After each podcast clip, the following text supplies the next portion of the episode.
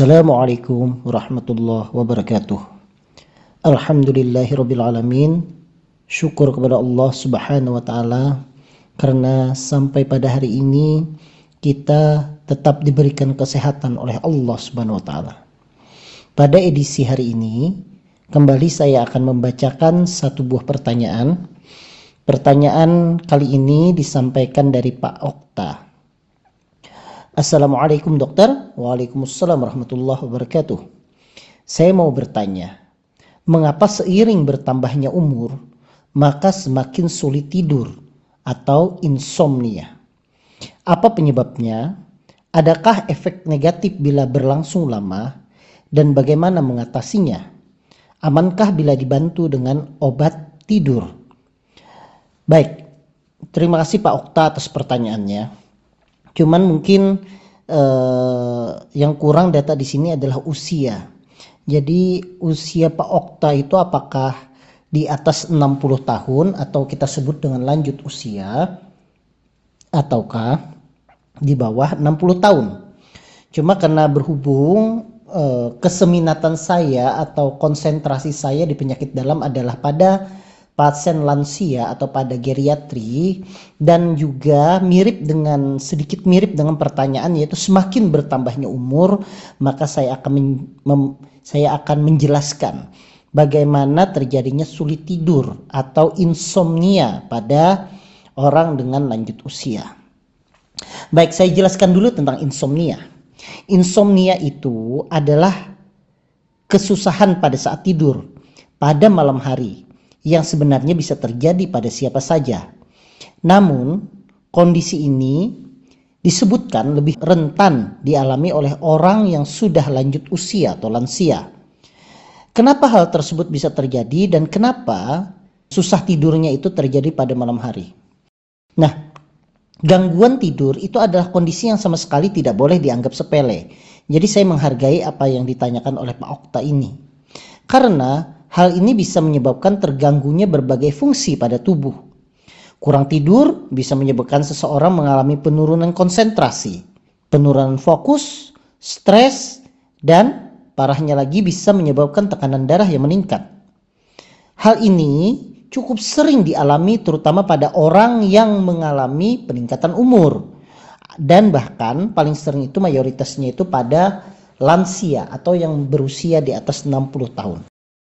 Ada beberapa faktor yang bisa menjadi pemicu terjadinya gangguan tidur pada lansia.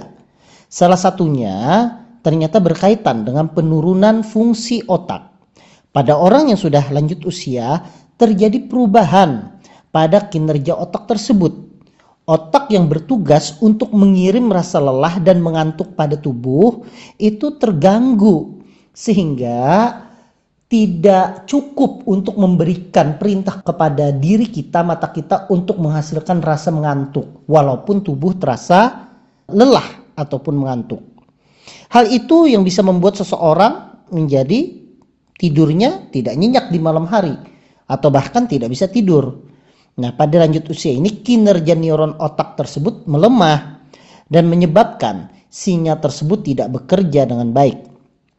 Selain karena penurunan fungsi otak, susah tidur juga pada lansia terjadi sebagai gejala dari penyakit tertentu. Seperti kita ketahui, seiring dengan bertambahnya usia, risiko seseorang mengidap penyakit tertentu itu akan menjadi lebih tinggi. Apalagi jika semasa muda orang tersebut tidak memiliki hal atau tidak mengerjakan sesuatu yang untuk menjaga kesehatannya. Misalnya seperti tidak menerapkan pola hidup sehat, dan jarang berolahraga. Itu juga akan menyebabkan penyakit yang menyebabkan seseorang itu menjadi sulit untuk tidur. Beberapa faktor lain yang dapat menyebabkan insomnia pada lansia yaitu pada kondisi penyakit akut atau kronik yang diidap.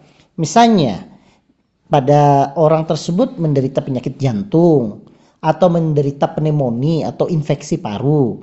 Misalnya penyakit paru obstruktif kronik atau PPOK atau sesak nafas ya misalnya diakibatkan dia merokok kemudian penyakit ginjal ataupun penyakit rematik seperti misalnya osteoartritis karena pengapuran dari sendinya sampai terjadinya pengapuran tulang, khususnya di tulang belakang, yang menyebabkan seseorang itu merasa nyeri terus-menerus. Hal inilah yang menyebabkan seseorang khususnya lansia menjadi kesulitan tidur. Karena pada saat tidur dia justru merasakan nyeri yang menyebabkan dia menjadi sulit tidur.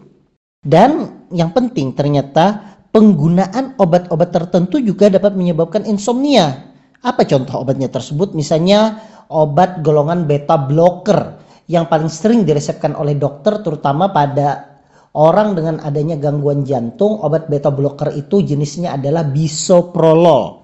Ada juga nama lain nama ada lagi obat yang lain juga misalnya propanolol. Ada juga atenolol. Nah itu adalah golongan beta blocker. Nah ini menyebabkan seseorang menjadi insomnia. Selain faktor-faktor yang saya sebutkan tadi Insomnia pada lansia juga sering disebabkan karena kondisi psikologis. Seperti misalnya stres atau depresi atau cemas.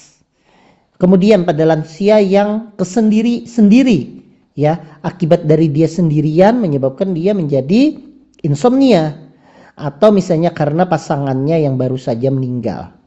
Kemudian merasa diri tidak berguna karena mungkin sudah pensiun, akhirnya merasa bahwa masyarakat tidak membutuhkan diri dia lagi sehingga muncul perasaan tidak berguna. Ini juga bisa menyebabkan insomnia.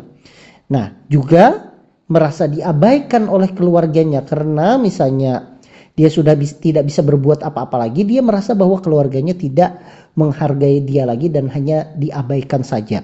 Ini juga bisa menyebabkan insomnia. Jadi kita harus betul-betul uh, memahami kenapa penyebabnya insomnia pada orang seiring dengan bertambahnya usia. Kemudian faktor lingkungan atau kebiasaan di siang hari juga ternyata dapat menyebabkan tidak dapat tidur pada malam hari. Contoh seperti kurangnya aktivitas pada siang hari, misalnya hanya rebahan saja di siang hari atau malah tidur siang yang terlalu lama itu menyebabkan malamnya dia juga tidak bisa tidur ataupun kondisi kamar tidur yang tidak nyaman Misalnya suhunya terlalu dingin atau terlalu panas, tempat tidur yang tidak nyaman atau lingkungan sekitar kamar yang berisik itu juga menyebabkan seseorang tidak bisa tidur. Nah, meski ada yang mengatakan bahwa gangguan tidur tersebut adalah hal yang wajar terjadi pada lansia, tapi tidak ada salahnya untuk tetap waspada terhadap kondisi ini. Karena kalau seandainya ini akan ini berkelanjutan ya tentunya tadi seperti yang saya sampaikan akan berkurangnya konsentrasi, akan berkurangnya daya ingat, bahkan cenderung lebih emosi itu yang terjadi. Insomnia yang cukup parah dan terjadi dalam jangka panjang sebaiknya tidak diabaikan begitu saja jika gangguan tidur tersebut berlanjut dan mulai terasa serius, segera menurut saya menghubungi dokter khususnya dokter penyakit dalam dan kalau lansia menghubungi dokter penyakit dalam yang berkonsentrasi di uh, geriatri atau usia lanjut. Nah, pertanyaannya bagaimana cara mengatasinya? Nah, cara mengatasinya sebenarnya selain ada dengan obat-obatan, ada juga tanpa obat-obatan. Kita berbicara yang tanpa obat-obatan dulu. Misalnya gangguan tidur pada lansia sebaiknya yaitu tadi tidak dibiarkan begitu saja. Salah satu kunci yang bisa dilakukan untuk memperbaiki pola tidur adalah dengan menerapkan gaya hidup sehat. Misalnya membiasakan mengonsumsi makanan yang sehat, kalau lansianya merokok disarankan untuk berhenti merokok dan jangan mengonsumsi makanan atau minuman yang tinggi kafein menjelang malam hari Misalnya minum kopi menjelang sore hari atau malam hari sebaiknya dihindari. Kemudian yang penting juga menciptakan suasana yang nyaman juga bisa membantu lansia tidur lebih nyenyak. Jadi sebaiknya sebenarnya justru lansia itu diberikan tempat tidur dengan kamar yang nyaman bukan seadanya karena itu sangat berpengaruh untuk mereka pada saat mau tidur. Selain itu, mengatur jam tidur dengan rutin juga bisa membantu mengatasi masalah tidur pada lansia. Hal ini bisa dilakukan dengan menetapkan jam tidur yang konsisten dan usahakan untuk selalu tidur pada jam tersebut. Dengan begitu tubuh akan ikut menyesuaikan dan terlatih dan bisa tidur di jam yang tepat. Dalam istilah kedokteran itu namanya irama sirkardian. Kemudian menghindari makanan terlalu dekat dengan jam tidur itu juga bisa membantu menghindari insomnia. Misalnya uh, biasanya jadwal tidurnya adalah jam 10 malam. ini makannya jam 9 atau setengah 10 sebenarnya itu tidak disarankan lagi. Dan ya itu tadi yang saya sampaikan, mengonsumsi minuman yang mengandung kafein juga dihindari. Dan nah ada juga minuman katanya seperti minuman bersoda itu sebaiknya juga dihindari. Kemudian di zaman yang modern ini perangkat elektronik misalnya seperti handphone dan gadget lainnya itu sebaiknya dijauhkan dari jangkauan para lansia. Hindari misalnya menonton televisi dan atur penerangan agar tubuh mudah terlelap. Ada penelitian bahwa semakin gelap ruangan tersebut atau cahaya yang masuk ke mata, maka hormon melatonin itu akan meningkat. Hormon melatonin itu adalah hormon yang menyebabkan seseorang menjadi mengantuk. Agar lebih mudah terlelap, coba lakukan latihan relaksasi pada lansia dengan cara mengatur nafas. Misalnya tarik nafas dari hidung, bayangkan energi positif masuk ke dalam tubuh, kemudian hembuskan nafas lewat mulut dan bayangkan bahwa energi negatif yang ada di dalam tubuh kita juga ikut keluar. Nah, kemudian ini salah satu yang mungkin bisa membantu, yaitu mandi dengan air hangat sebelum tidur. Itu juga bisa membantu merelaksasikan tubuh dan meningkatkan kualitas tidur malam ya. Jadi sebenarnya mandi malam itu juga tidak sepenuhnya tidak diperbolehkan. Justru dengan mandi malam terutama pada lansia tapi harus menggunakan air hangat ya, itu akan membantu relaksasi sebelum tidur. Nah, kalau obat-obatan bagaimana? Kalau obat-obatan memang sih kalau seandainya memang dengan sulit tidurnya itu berpengaruh terhadap konsentrasi, berpengaruh terhadap mood, berpengaruh terhadap suasana hati, bahkan menyebabkan seseorang menjadi terganggu kesehatannya, maka itu adalah salah satu indikasi untuk pemberian obat tidur.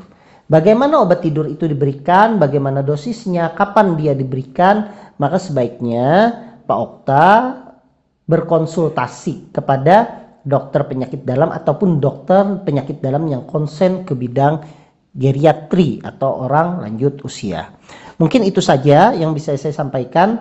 Semoga permasalahan ini bisa terselesaikan dan saya berharap semoga kita semua yang ada di sini diberikan kesehatan, dapat diberikan kemudahan dalam menjalankan aktivitas sehari-hari dan andai pun kita diberikan cobaan kesehatan, kita dapat bersabar dan dapat segera disembuhkan oleh Allah Subhanahu wa taala. Demikian jawaban dari saya. Saya tutup dengan ucapan wassalamualaikum warahmatullahi wabarakatuh.